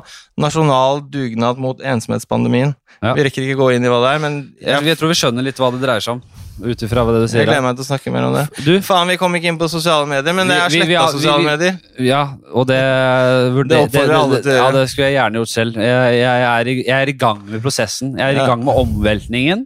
eh, og jeg, eh, jeg, støtter, eh, jeg støtter alle som prøver å, om ikke eliminere, men i hvert fall minimere bruken av sosiale medier og den der falske virkeligheten for, for unge folk. Unge eneste barn. sosiale mediene jeg bruker, er United Stand når vi vinner 9-0 mot Southampton. Da fikk du lurt inn fotballen. Mark Goldbridge. Jævlig hyggelig at du kom, Sturla. Ja. Vi skal ha flere episoder eh, i løpet av de 70 årene jeg skal holde på. Eh, Og vi har kanskje noen spennende prosjekter. du, som, du som er på bedringens vei, du, du holder kanskje 70 år til, du? Vi har kanskje? Jeg tror spennende prosjekter eh, også.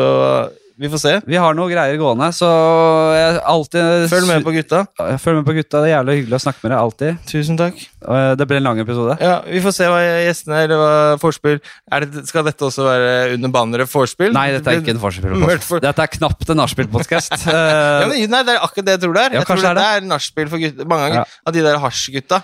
Vi, jeg, jeg, håper vi ikke, jeg håper vi ikke radikaliserer for mange narspill, unge Nei, nachspiel-gutter. kommer disse våkner opp dagen etter uten fri vilje og manisk opptatt av Snowden, og plutselig så har vi nordmenn som skal dra ned på pizza Pizza, komme ut pingpong Ja. Eh, Du som hører på nå, langt ut på nachspielet på natta der, kom deg i seng. Få, drikk, husk å drikke vann.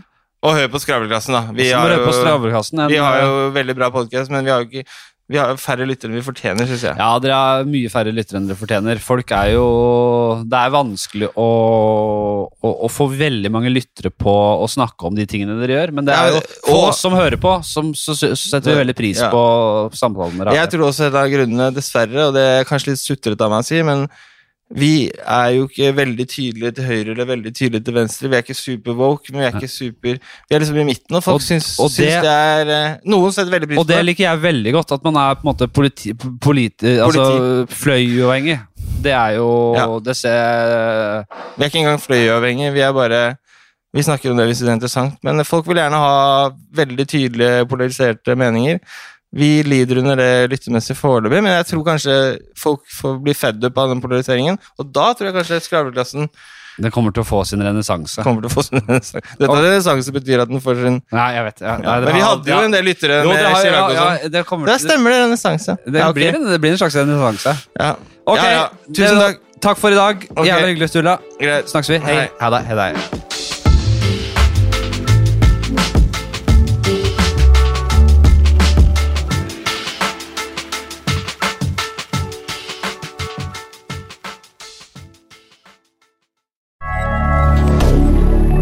Moderne media. Har du et enkeltpersonforetak eller en liten bedrift? Da er du sikkert lei av å høre meg snakke om hvor enkelt det er med kvitteringer og bilag i fiken, så vi eh, gir oss her, vi. Fordi vi liker enkelt. Fiken superenkelt regnskap.